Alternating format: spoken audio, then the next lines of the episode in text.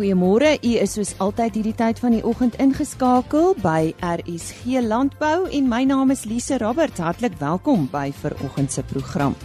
Ons uh, gesels die afgelope 2 dae oor die Landbou Jeug Stichting en vanoggend gesels ons weer daaroor, maar ons gesels met die Landbou Onderwysvereniging. Dan praat ons met uh, Hinterland oor die beplanning tydens oorwintering waarop gelet moet word en waarom dit so belangrik is. En volgens kenners neem siektebesmetting tussen mens en dier toe. Ons vind uit waarom. Die Plaas Landbou Jeugstigting is amptelik tydens Alfa 2017 gevestig as 'n sambreel liggaam wat na die veeplaas kudde projek omsien. Henny Maas het maandagooggend met Albert Loupse daaroor gesels. Hy het gisteroggend vanuit 'n uh, finansiële instelling oogpunt met uh, Dawie Marie van FNB Landbou gesels en Dawie is ook die voorsitter van die Plaas Landbou Jeugstigting. En vir oggend, kom ons luister. Ons uh, gesels nou met EPNL van die Suid-Afrikaanse Landbou Onderwysersvereniging wat ook betrokke is by die Landbou Jeugstigting. EP, wat is die Suid-Afrikaanse Landbou Onderwysersvereniging en miskien so ietsie oor sy lede? Goeiemôre Henny en goeiemôre luisteraars. Salof is 'n spreekwys vir landbouonderwys op die verdere onderwysvlak. Ehm um, vir al die grade 10 tot 12 wat by landbou skole en gewone skole uh, aangebied word. Uh, dit bevorder landbouonderwys landwyd en is in die 90's gestig toe daar 'n behoefte was toe daar min ondersteuning van nasionale en provinsiale vlak van onderwys gekry is vir die skole. Die onderwysers self affilieer nie, die skool affilieer by Salof. So outomaties is 'n onderwyser dan wat by daai skool gee lid van die assosiasie of vereniging.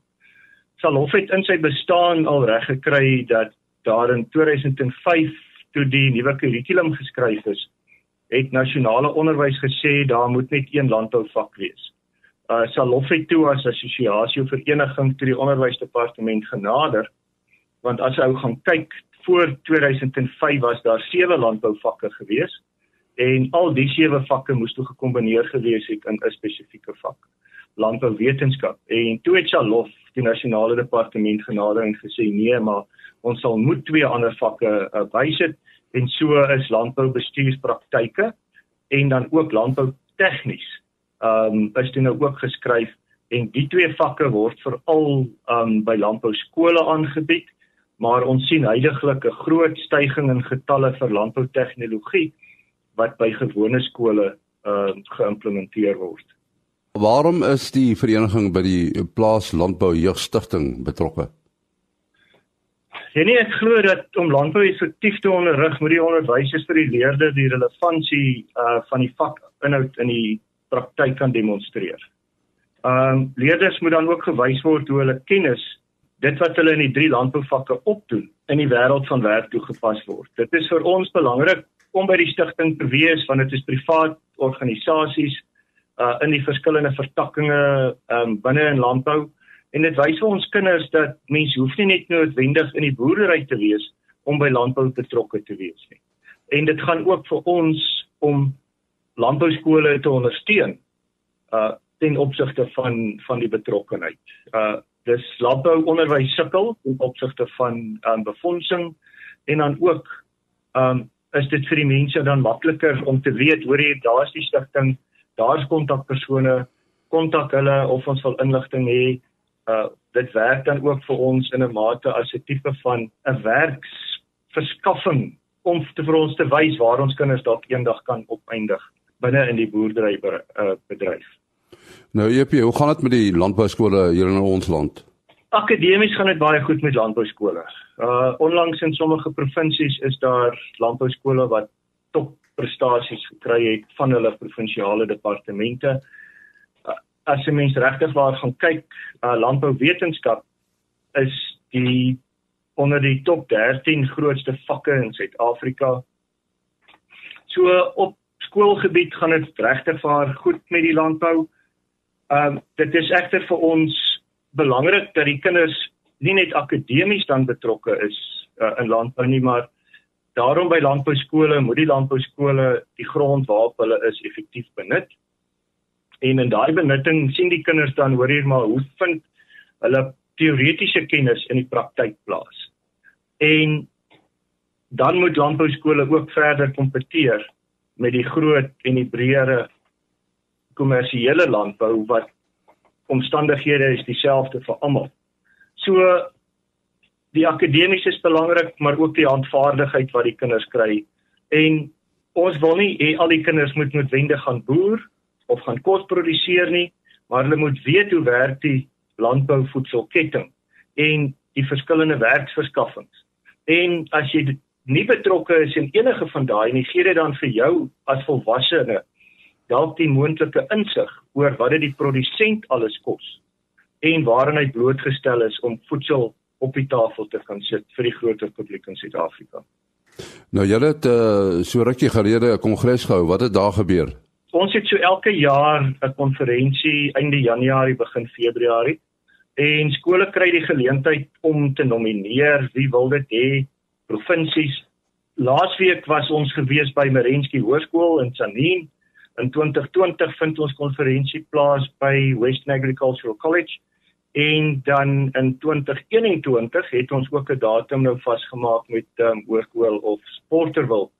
Um in Porterville self in die Wes-Kaap.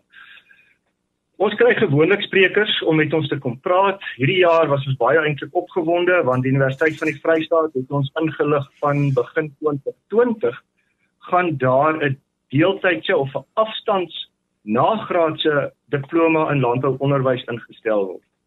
Um vir ons is dit belangrik want ons laaste professionele opgeleide onderwysers is nog opgelei deur um Outshering Onderwys College en daardie persone begin nou die stelsel of onderwys verlaat en daar's regtig op die stadium nie een tersiêre instansie wat dit nagraads aanbied op 'n deeltydse basis nie. So dit is vir ons baie goeie nuus. Ons bespreek dan ook knelpunte in die landbouonderwys wat ons dan weer met ons nasionale departement van onderwys opneem. Ons bemagtig onderwysers met besoeke aan plekke soos ehm um, hierdie jaar was ons by ZC2, die grootste tematie pakhuis in die suidelike halfrond. Dit dit werk vir ons lekker. Daar kon onderwysers sien die produk van die land af deur die pakhuis totdat hy verskeep word of versprei word na die verwerker toe. Dis 'n groot gedeelte van ons syllabus in landboubestuurspraktyke. En dan het elke vak ook die geleentheid om sy nasionale uitslae te bespreek van 2018. Daar leer ons ook onderwysers hoe om met verskillende onderwystegnieke en strategieë ons punte en goed 'n bietjie hoër te kry. So vol program. Dit vat ons so 2 dae om weer almal te kom deur alles te gaan. Hierdie jaar was al 123 uh persone gewees. So daar is wel 'n behoefte en ons kry regtig waar nogal die ondersteuning van die breër landbouonderrig sektor in skole. En daar's 'n blykbaar baie meer akademiese skole wat uh, landbouvakke aanbied. Dis seker net maar as gevolg van die groeiende belangstelling, né? Nee? Ek glo so landbou soos ek reeds gesê het bestaan uit drie vakke en dit gaan vir ons om nie net die landbouer op te lei nie maar ook die gewone persoon. Die vakke is interessant. Dis praktiese toepassing waar die kinders hulle teoretiese kennis kan gebruik. En soos al reeds gesê is daar 'n hele aantal skole waar tegniese vakke uitfaseer wat byvoorbeeld landboutegnologie as 'n vak inbring. Landboubestuur, landboutegnologie jy moet die nodige fasiliteite hê waar landbouwetenskap is op dieselfde basis as lewenswetenskappe en ek kan verder sê dat sedert die begin van 1928 19 is die vakke universiteitstoelatingsvakke. So vir bepaalde rigtings, hoofsaaklik maar vir landbou en vir jou meer praktiese rigtings word daai vakke nou erken um, by universiteite en kan kinders dit met vrymoedigheid neem en dan ook aansoek doen vir sekere rigtings by universiteite. Nou, ons sê baie dankie aan EPNL van die Suid-Afrikaanse Landbou Onderwysersvereniging. En die gesels later met Hinterland oor die beplanning tydens oorwintering. Tydens die 2018 navorsingskonferensie van die Suid-Afrikaanse Vereniging vir Wildlewe Bestuur is gewaarsku dat kruisbesmetting tussen mense en diere al hoe meer voorkom en die wildsiektes al hoe meer mense besmet en andersom. Ek gesels nou met professor Armanda Bastos van die Universiteit van Pretoria. Sy het die sleutelrede tydens hierdie konferensie gelewer. Professor, miskien kan u net begin deur vir ons te verduidelik presies waaroor hierdie konferensie gegaan. Yes, so the South African Wildlife Management um, Association has a annual meeting, and they invite plenary speakers um, to open up the discussions on each day, and usually it deals with um, topical concepts or um, new ideas that they'd like to present to people who are involved in wildlife management. Um, so Willem Strauss contacted me and asked whether I'd consider doing um, a talk on One Health, which is um, basically the increasing awareness that our own health and health, um, environmental health is intrinsically linked with the um, health of animals, whether they be wild or um, domestic animals. Nou kom ons kom terug by daai besmetting. Wat is die oorsaak van hierdie kruisbesmetting dink julle? My opinion is is that it's the increasing human population. Um, our population is not regulated at all. Um, the projections for 2025 is that there'll be 8 million people, and by 2050, um, that will have increased substantially. And what we're seeing is that the increase in our own population is not occurring um, equally across the globe, um, and particularly in Africa. Where um, in the 1950s our population made up 9% of the world or global population. By 2050 we'll be making up a quarter of the global population and 40% um, of it by um, 2100. So it's that increase in our own population, the stress that we're putting um, on the planet and on resources, and the increasing contact as our own population expands and we move into areas that weren't um, utilized before, whether it's for food production or for us to live.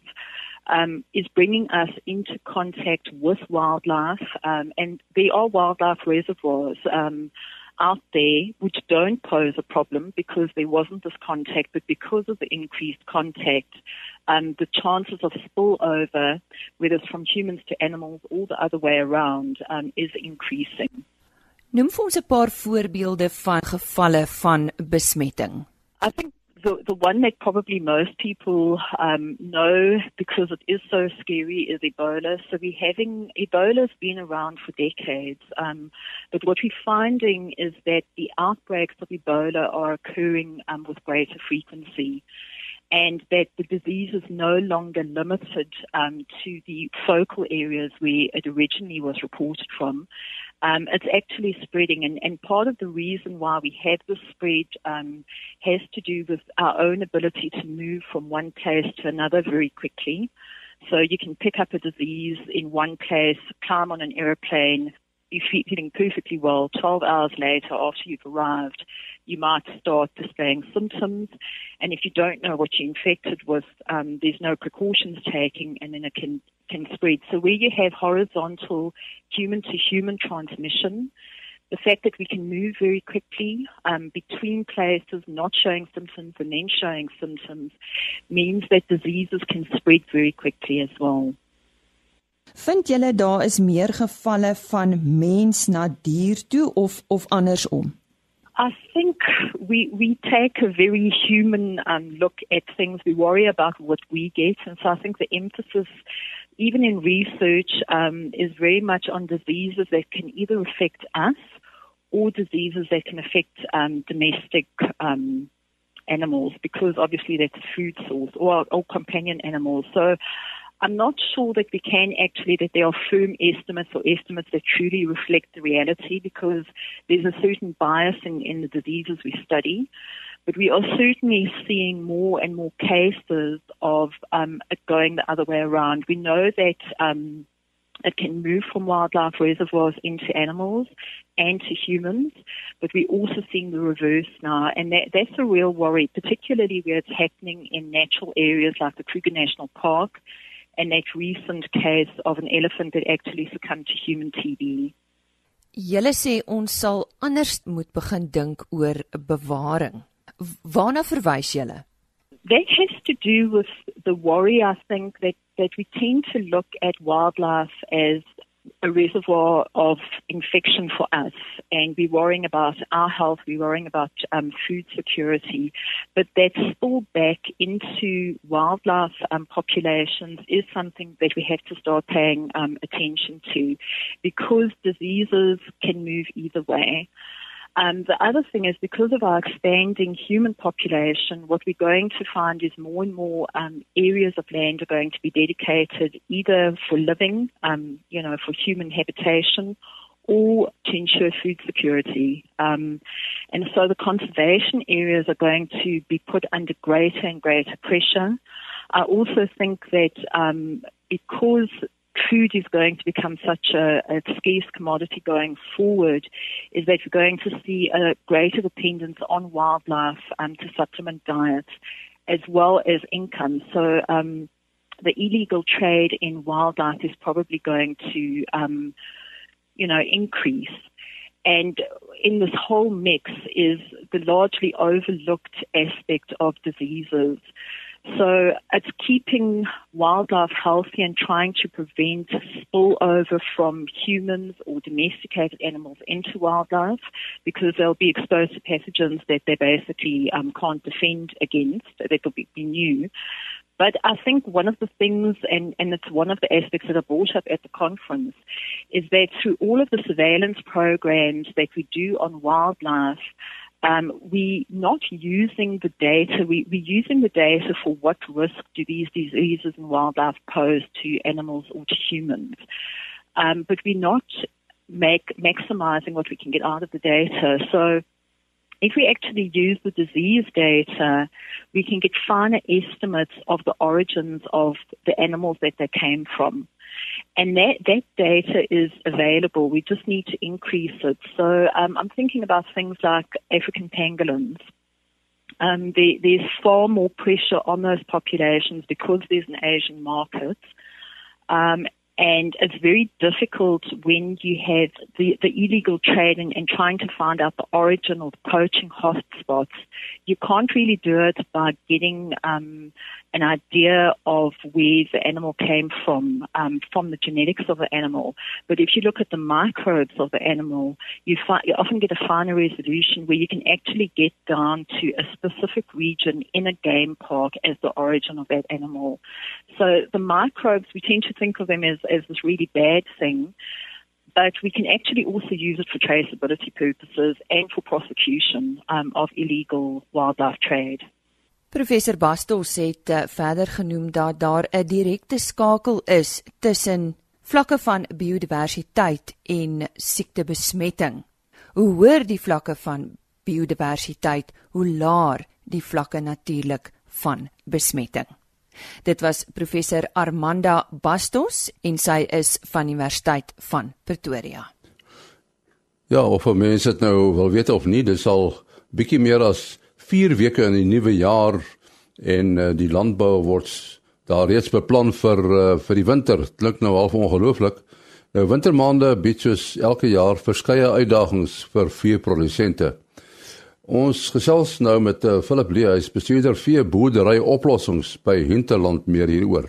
Wat presies is oorwintering en waarom is die tipe beplanning belangrik vir produsente?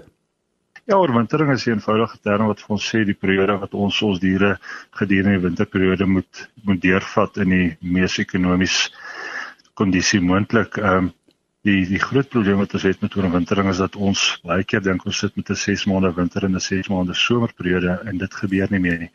Ons is in sekere van ons bedieningsgebiede tegnies nog in 'n winter alhoewel ons redelik warm temperature het en ek sê altyd die kinders swem en ons braai saterdag en kyk rugby maar in die wêreld van 'n die dier is dit nog winter. En ek dink dis een van die groot slaggate is dat ons is geneig om dalk te vinnig te dink ons is uit die winter uit en is net daar wat ons baie keer met ons voet in die struik trap. So om die vraag te antwoord te wintering is net basies die periode wat ek my diere deur die winterperiode vat, maar nie gekoppel noodwendig aan 'n kronologiese tydperk nie, maar in hoe my veldtoestand al buite lyk. Want soos ek net reg gesê het, dit kan al in somertemperature vir ons laat blyk asof dit somer is, maar tegnies in die wêreld van 'n bees of 'n skaap is dit nog eintlik winter. En wat is dan die grootste uitdagings vir produsente tydens die oorwintering?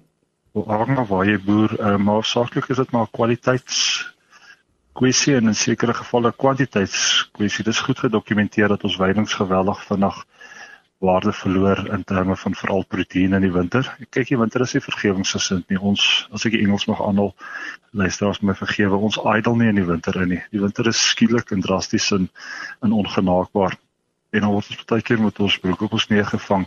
So ons sit in daai kant met 'n nutriëntbehoefte en dan soos wat die winter langer raak en baie keer gaan ons hier in November en ons nog steeds in winter dan begin die kwantiteit ook 'n probleem raak en die voerskure raak leeg en ons sit met 'n mielieprys wat aan die styg is waarvoor ons baie bly is vir die mielieprodusente maar vir die veeboer bied dit geweldige uitdagings. En uh, hierdie hierdie tydperk die oorwintering, wat sou die beste manier vir produsente wees om dit te benader? Ek dink ou moet konservatief na die winter gaan. Ons is nog steeds geneig om ons veeladings te te oorstateer. Ons ons dra te veel vee. En 'n ander ding wat ek gereeld sien is sentiment. Ehm um, ons dra diere uh as passasiers omdat ons sentimenteel raak. Uh daar's 'n sekere emosionele konnotasie tussen tussen ons en die dier. Ek dink ou moet nugter en helder wees. Jy moet regtig konservatiewe veebelading toepas. En natuurlik moet jy onthou die winter is langer as wat jy gaan voorsien.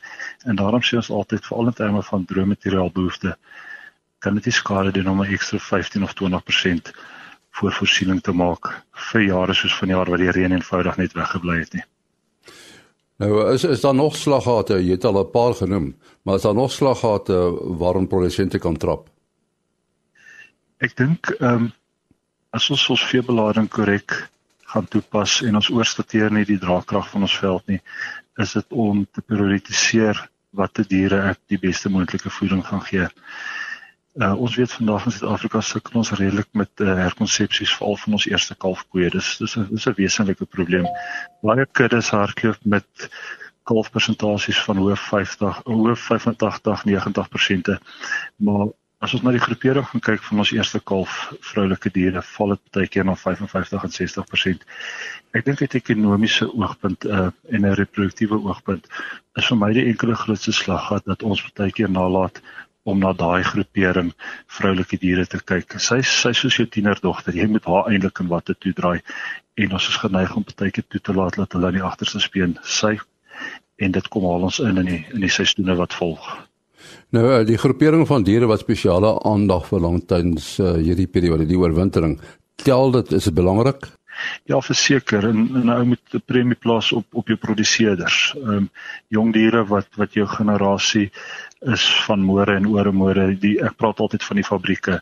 Daai jong vroulike diere wat uh, nou deur die ranks kom as ek die Engels mag aanhaal wat vir jou moet produseer in in seisoene wat volg. Dis dis die kern wat as ek bietjie spaarkamp het en bietjie kuilvoer tot my beskikking het of goeie staanhooi tot my beskikking het wat ek hulle altyd die voorkeur moet gee sodat ek hulle in die beste moontlike kondisie deur hierdie winterperiode kan vat want enige skade wat sy kry op die stangwedstryd is blywend vir die volgende 10 of 12 jaar dat sy produktief gaan wees.